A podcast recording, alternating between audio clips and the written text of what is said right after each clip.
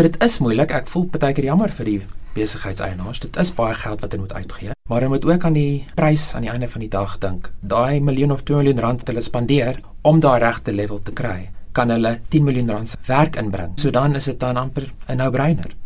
Dis Rand en Sent, is 100 tot 104 FM. Welkom by die 8ste program in die reeks oor die werkloosheidsversekeringsfonds. Ek is Olivia Sambul. Die program word met trots aangebied deur die werkloosheidsversekeringsfonds in samewerking met SAIK Opvoedkunde. Saam werk ons vir jou. Vandag gesels ons oor jou rol as werkgewer ten opsigte van die werkloosheidsversekeringsfonds.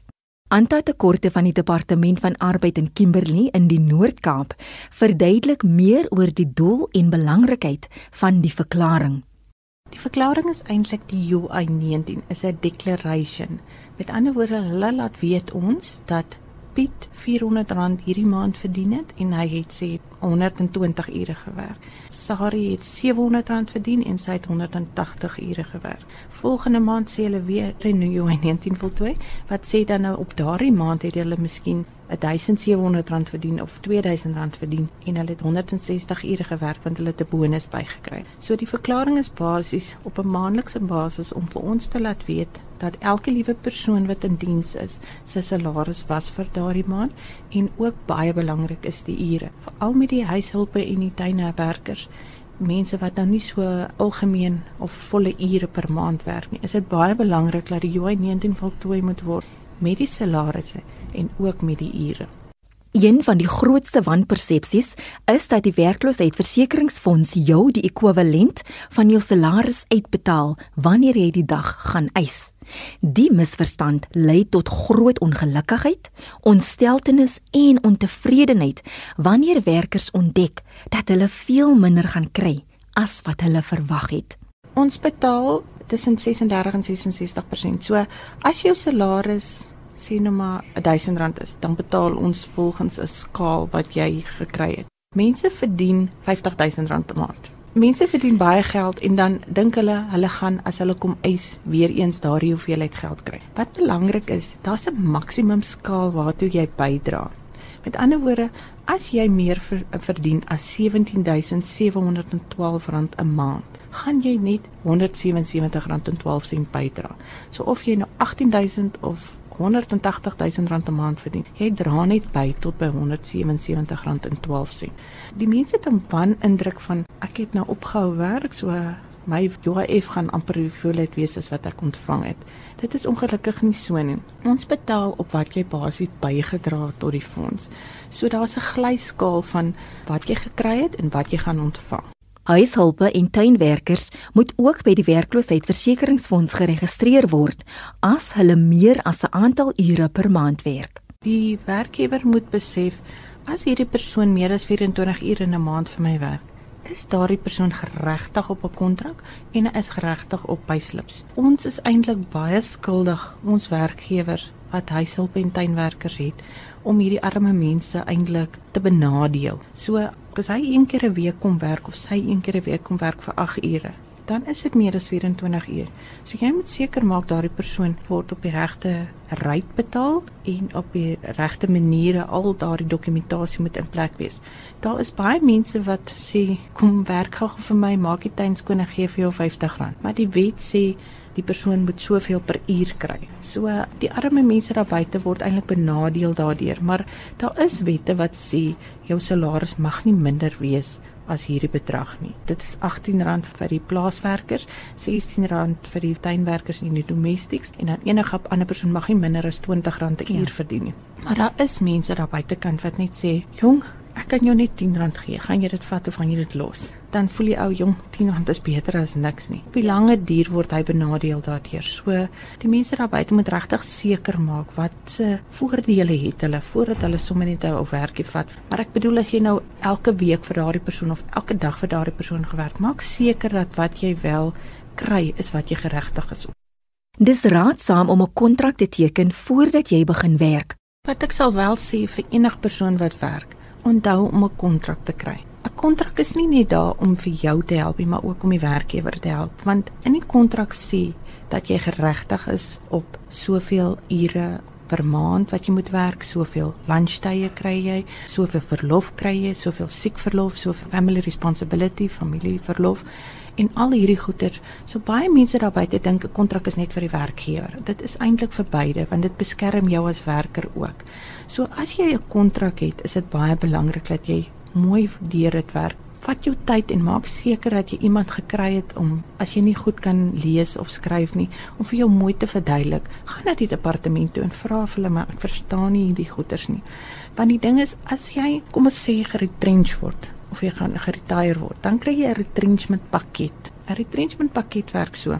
Vir elke volledige jaar wat jy gewerk het, is jy geregtig op 'n week se salaris. En nie die week wat jy daai jaar gewerk het se salaris nie, op die salaris wat jy nou verdien. So as jy vir 17 jaar gewerk het en jou werkgewer sterf nou af, jou kontrak word nou beëindig as gevolg van afsterwe kom ons praat nou eers van 'n retrenchment. Dan is dit jy geregtig op 'n retrenchment pakket. So, dan moet jou verlof aan jou uitbetaal word.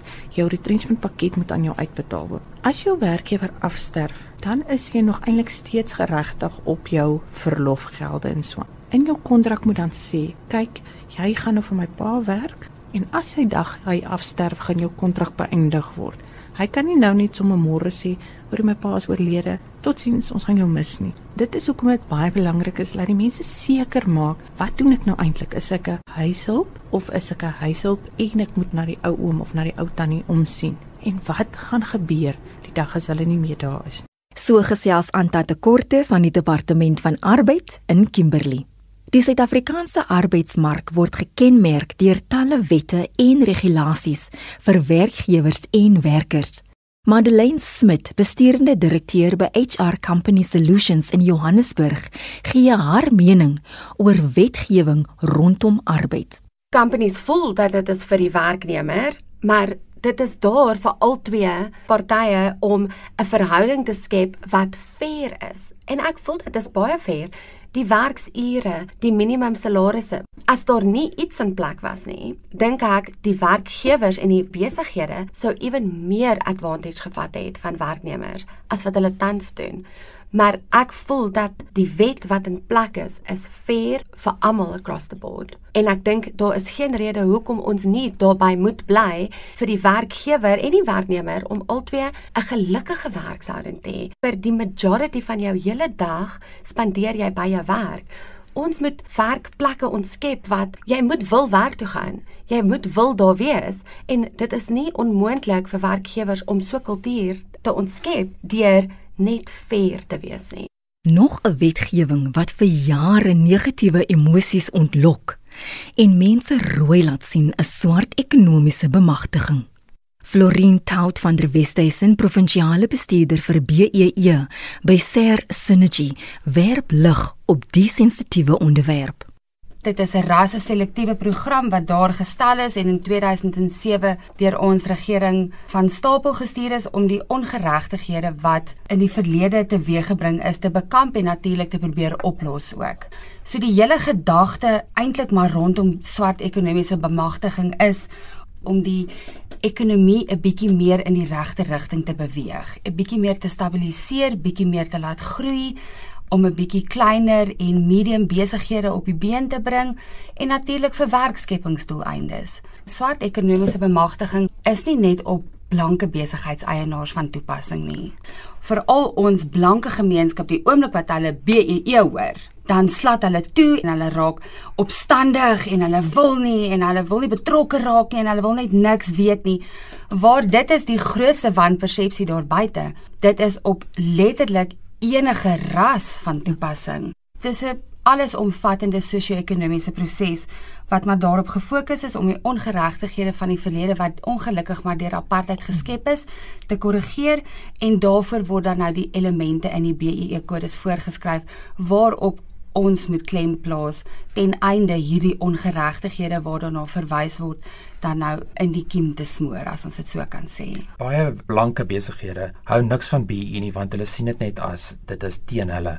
Dit geld dieselfde vir 'n nie blanke besighede nie. As jy in hierdie land besigheid hmm. wil doen, dan moet jy die wet voldoen en jy moet BE doen vir alles jy nou met die staat gaan werk. Maak nie saak wie jy is nie. Dit was Florin Tout van der Westhuizen en Rylan Wissing van Ser Synergy. Ons gesels nou verder oor swart ekonomiese bemagtiging. Ek wil weet watter voordele is daaraan verbonde en hoekom dit aangemoedig moet word. Florien Tout van der Westhuizen van Ser Synergy. 'n Groot lompsom 6% elke jaar van hulle totale salarisrol moet gaan aan die opleiding van die minderbevoorregtes. En daar kan ek regtig vir jou sê, die besighede daar, daar buite vind aanklank daarbey en ons jeug van vandag vind 100% daarbey baat. En dit is vir my lekker om dit 'n aanknopingspunt te maak. Ja, dit is baie geld, maar weet jy dan kom SARS weer in en hulle sê maar, "Yes, jy gaan nou 'n lomsom betaal vir learnerships van werklose mense, maar weet jy ons gaan vir jou 'n groot gedeelte daarvan teruggee." As jy dit wegvat, dit is irrelevant waar daai fondse vandaan kom. Dis groot om in ons eie jeug van vandag te belê. Jy weet, vandat ek 'n klein meisiekind was, het my ma byvoorbeeld altyd vir my gesê, dis die enigste ding wat jy nie van iemand kan af wegvat nie is geleerdheid. En al hoe ons ons ekonomiese klimaat gaan verander en ons ekonomie gaan bevorder is deur in ons eie mense te belê. Jy weet die Here gee ook nou vir jou die fondse om te kan belê. So doen dit. Jy gaan in elk geval terugkry al is dit net om te sien hoe ons 'n paar 20 of 22 jariges het wat uit universiteit uitkom wat beter poste kan beklee en as ons kan verhinder dat hulle oor see gaan en hulle bietjie meer hier hou. Dit is al hoe ons ons ekonomie gaan versterk. Hoe werk die gradering en as jy 'n verkeerde gradering gekry het, kan jy dit verander want dit is ook gevalle waar dit gebeur. 'n Maatskappy word eenvoudig gegradeer op sterkte van die grootte van sy maatskappy se omset en op sterkte van in watter industrie hy val. Daai twee is die bepalende faktore wat ons dan nou kan weet in watter een van die 11 subsektore gaan ons hom gradeer? Met ander woorde watter telkaart is op daai maatskappy van toepassing? En dan tweedens moet ons weet wat die omset is om te weet is dit 'n klein besigheid onder 10 miljoen? Want dan kwalifiseer hulle outomaties vir 'n spesifieke vlak. Is dit 'n medium besigheid met 'n omset tussen 10 of 50 miljoen? Dan is daar nou weer ander reëls van die kodes en van die telkaart van toepassing. Of is dit 'n generiese maatskappy? Met ander woorde maatskappye in die land met omsette bo 50 miljoen. So dit is die absolute beginpunt en van daar af begin die hele konsultasieproses. BE begin nie noodwendig by die gradering nie, maar by wie kies jy om jou van hulp te wees met daai gradering want die kodes het in 2007 in die lewe geroep in 2013 gewysig die subsektore is nou al intussen 'n paar maal gewysig en die 31ste Mei van 2019 het daar weer 'n wysiging van die gewone kodes deurgekom. So as jy iemand het wat op sy louere is en wat net gaan die weer trek hou met die veranderinge nie dan gaan daai persoon jou glad nie kan help om jou te uit te kry by die gewenste B-gradering waar jy wil uitkom nie Die twee kundiges gesels meer in diepte oor die generiese telkaarte en die kodes. Ek vermoed 'n goeie 90% van die maatskappye in Suid-Afrika word op die gewone kodes van goeie praktyk gegradeer. So dit is die ouens maar in vervaardiging wat in en uitvoere doen van goederes wat nie in 'n spesifieke subsektor soos toerisme val of jou ons jou ICT ICT ons konstruksie, vervoer. Vervoer. So die ouens wat nie in 'n spesifieke subsektor val nie, word dan op die gewone kodes gegradeer. En elke industrie het hulle eie telkaart, hulle eie teikens. Dit klink basic as ek so kan sê in die begin, maar ongelukkig is hier nie iets wat jy net een keer 'n jaar kan aandag aan gee en 'n telkaart doen en jou B-gradering doen nie. Dit is 'n hele jaar se proses. Jy moet maandeliks deur die goed gaan. Jy moet seker maak jou donasies is al gedoen. Jy moet seker maak jou um skills development is al in plek. Um daar sekere regulasies soos 'n um, verslag wat jy moet indien by sê die departement van arbeid met jou employment equity verslag. Jy moet by jou verskillende SETAs workplace skills plans indien. En wat die B-kodes nou ook doen is as daai sekere verslag nie ingedien is nie, dan kan jy nie punte vir daai elemente ontvang nie. En dit gaan ook 'n groot mate jou BE taalkaart verswak. En ongelukkig omdat BE so belangrik is, as jy nie 'n goeie BE level het nie, dan gaan jy nie goeie besigheid in kry nie. En sonder besigheid is dan nie geld nie en dan gaan jy sukkel as 'n besigheidseienaar. So dit is die grootste uitdaging. Mense moet moet dit ernstig opneem en letterlik deur die jaar planne in plek sit en dit uitvoer. Dis ja. belangrik. Om terug te kom na jou vraag toe Olivia van oor as jy nou droog gemaak het, jy weet jy het nou verbruik, kan jy regmaak? Daar is nie regtig ruimte daarvoor nie. sekere 3 van die 5 BEE elemente is suiwer monetêre teikens. En die vereiste wat daaraan verbonde is, dit moet binne jou finansiële jaar spandeer word. Dit was Florien Tout van der Westhuizen, provinsiale bestuurder vir swart ekonomiese bemagtiging by Ser Synergy en Rylan Wissing, assistent provinsiale bestuurder ook van Ser Synergy. Ons gesels oor swart ekonomiese bemagtiging. Daar is ook sterk klem op vaardigheidsontwikkeling. 'n Groot lomsom van die punte op die telkwartaal moet jy 6% elke jaar van jou hele jaar se salarisrol spandeer op die opleiding van swart mense. En nou het hulle so ver gegaan en meer die klem weggevat van jou eie werkers na werklose mense toe. Daar's nou maar altyd waar waar die regering ook 'n bietjie probeer kompenseer vir wat hulle op ons afdwing deur te sê goed, maar as jy jeug oplei dan gee ek vir jou, jy weet 'n belastingkorting of as jy gestremde mense in oplei en in diens neem, gee ek vir jou 'n ekstra belastingkorting daarvoor. Maar ongelukkig met daai drie monetêre teikens, as jy die bus gemis het toe jy moes opklim, het jy vir hom gemis. Dit is regtig 'n intense proses waarvoor daar aan die begin van 'n finansiële jaar reeds deur elke besigheidseienaar voor moet begroot word omdat ons nie terug kan gaan in tyd en daai donasies maak vir sosio-ekonomiese ontwikkeling of die geld gaan spandeer vir opleiding of vir ondernemingsontwikkeling. Die enigste twee elemente wat jy letterlik 'n maand of twee voor 'n verifikasie kan aangaan verander, dis jou eienaarskap en jou bestuur en kontrole. Dit is essential vir 'n maatskappy om skills development in jou company toe te pas, want dit is wat jou op die voorsprong gaan sit van enige iemand anders in jou industrie af, want as jy groei saam met jou mense, gaan jou besigheid groei. Dit is 'n feit. It's tried, it's tested, it's proven, dis 'n feit. Môre is daar 'n nuwe produk op die mark.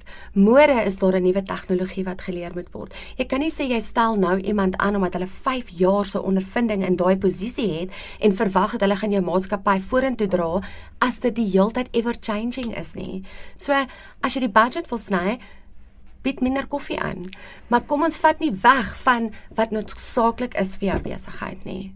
Dit was Madeleine Smit van HR Company Solutions en Florine Tout van der Westhuizen van Ser Synergy. Op papier lyk wetgewing of 'n nuwe stelsel na die ideale oplossing, maar die implementering is die groot haakplek. Ek dink dit gaan regtig meer oor oor 'n attitude change gaan. En dit gaan oor dat topbestuur moet twee dinge realise. Die een is dat dit gaan jou geld kos maar jy gaan nie geld maak nie. Jy gaan gelukkige werkgewers hê. En vir al mense in finansiële posisies en wat al hierdie budgets en alles het, vra hoekom is dit regtig nodig? Maar as jy kyk na al die kos wat daar is deur wat dit jou sou gekos het om 'n program um in te sit wat goed lyk op papier en dit deur te werk sodat jou employees gelukkig is en jy compare dit teenoor die mense wat jou maatskappy los die nuwe mense wat jy moet rekruut, die training, die tyd, al daai is daai nie veel meer as wat 'n een, een keer 'n maand saamkom met al jou werkgewers jou sag gekos het nie. So dit voel asof topbestuur net eenvoudig wegkyk en sê dit gaan my geld kos en ek gaan nie geld maak nie. So hoekom moet ek dit doen? What's the benefit of the business? Kyk, my manie verkeer verstaan nie, daar is maatskappye wat regtig hulle uit hulle pad uit gaan en hulle Hulle create 'n culture waar mense wil werk. Hulle attract top employment en employees want hulle wil by daai maatskappy werk wat hulle nie net fair betaal nie, maar wat realisties is oor die emotional well-being van daai employees. Hulle wil hê hulle employees moet by hulle bly. Dit was Madeleine Smit van HR Company Solutions. Vir enige hulp of inligting gaan na jou naaste arbeidskantore tydens kantoorure. Jy kan ook die tolvrye nommer skakel by 0800 843 843 of 0800 UIF UIF of gaan aanlyn na www.labor.gov.za. Jy kan ook vrae stuur aan die werkloosheidsversekeringsfonds op Twitter, Facebook of per e-pos. Ek groet tot volgende Sondagmiddag om 5uur hier op Brand en Sent RSG 100 tot 104 FM. Die program word weer Woensdagoggend om 0.30 herhaal. Tot sins van my Olivia Sambo en onthou, ongeag hoe sleg dinge nou mag wees, met tyd word alles net 'n herinnering. Lekker week vorentoe.